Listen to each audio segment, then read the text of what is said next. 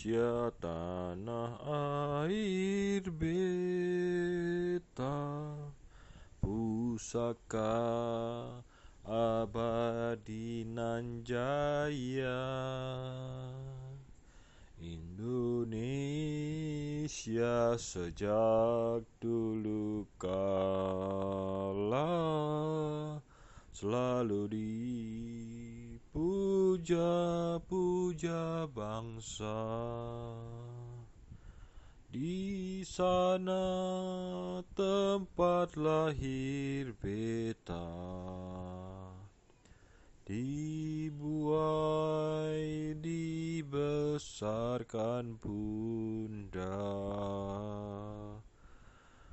Tempat berlindung di hari tua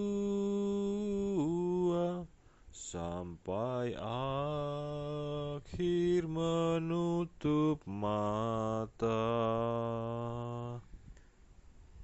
Indonesia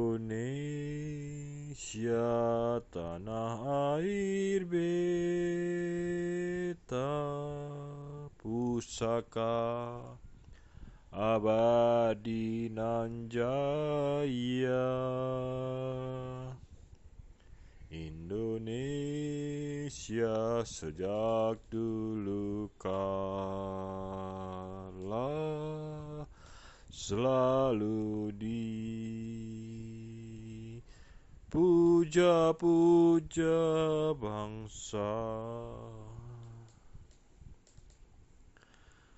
Dirgahayu Republik Indonesia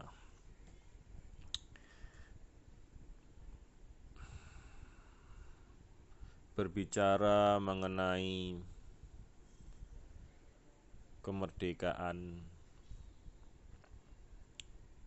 dan kecintaan kita kepada tanah air Indonesia.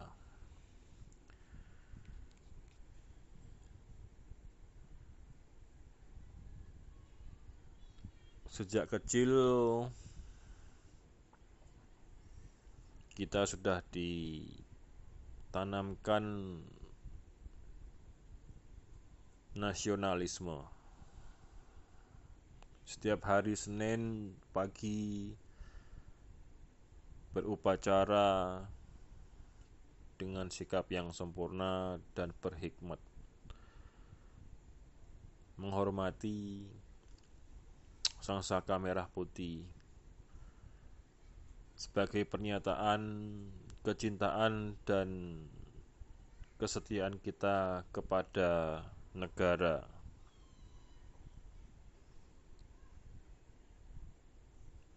Ketika kita waktu kecil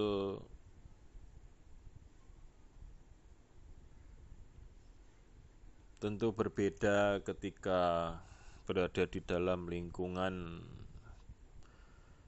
kampus perkuliahan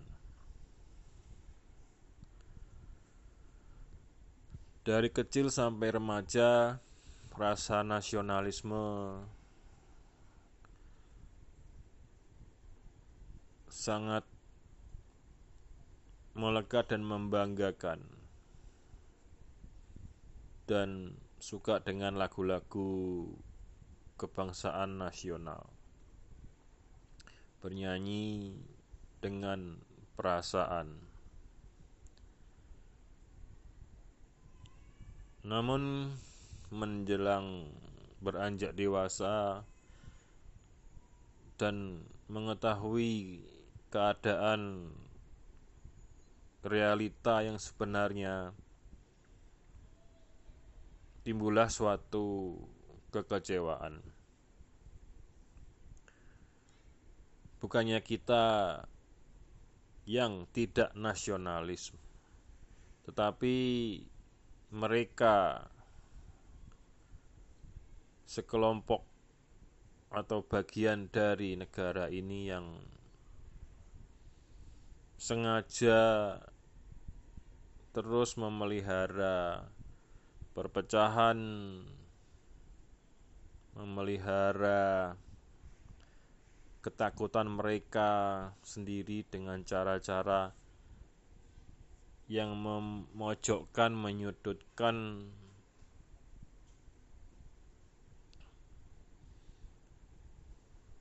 kaum Tionghoa. Sebenarnya banyak kaum Tionghoa yang nasionalis. Namun hingga saat ini masih banyak orang-orang yang menganggap dirinya keturunan asli Indonesia yang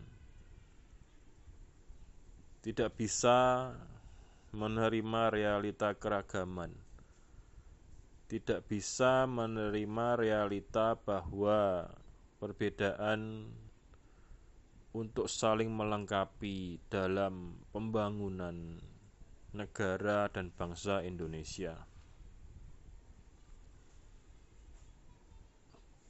Pemerintah harap bisa memberantas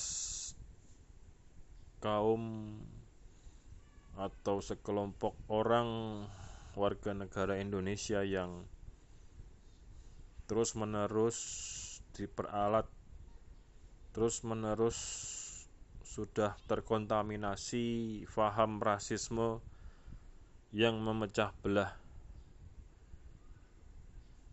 persatuan dan kesatuan.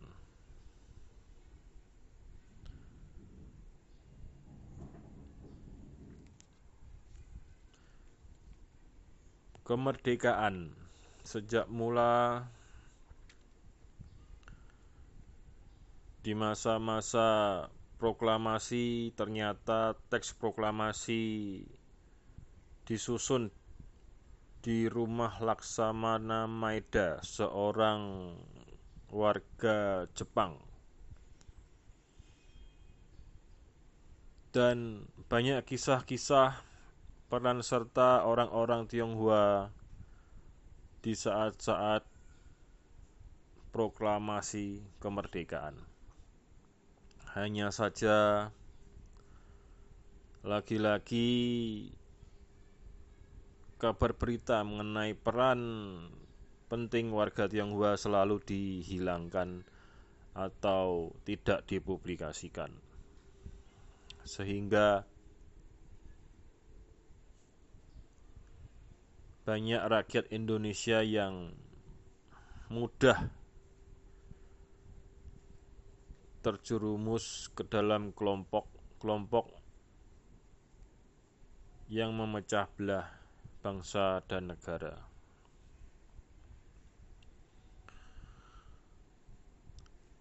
Sejak kecil kita sudah menerima pelajaran bahwa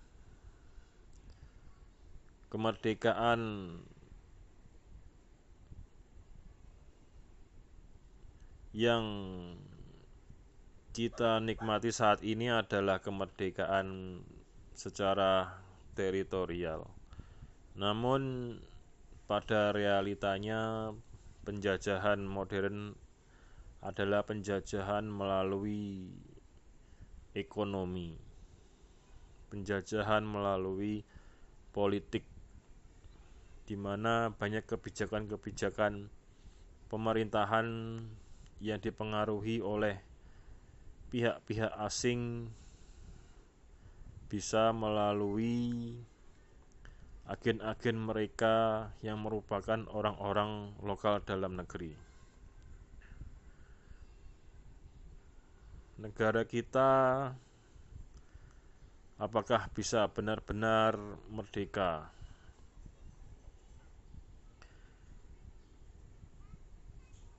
Ada yang berbicara mengenai kemerdekaan bebas dari kebodohan dan kemiskinan.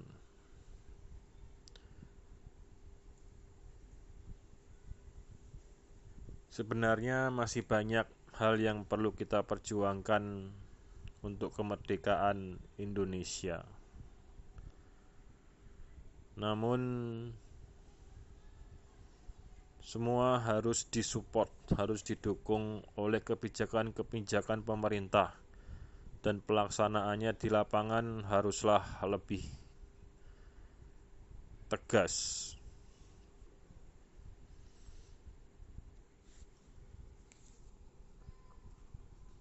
Banyak orang Tionghoa yang nasionalis. Mohon diperhatikan dan dilindungi dan dikembangkan untuk pembangunan Indonesia Raya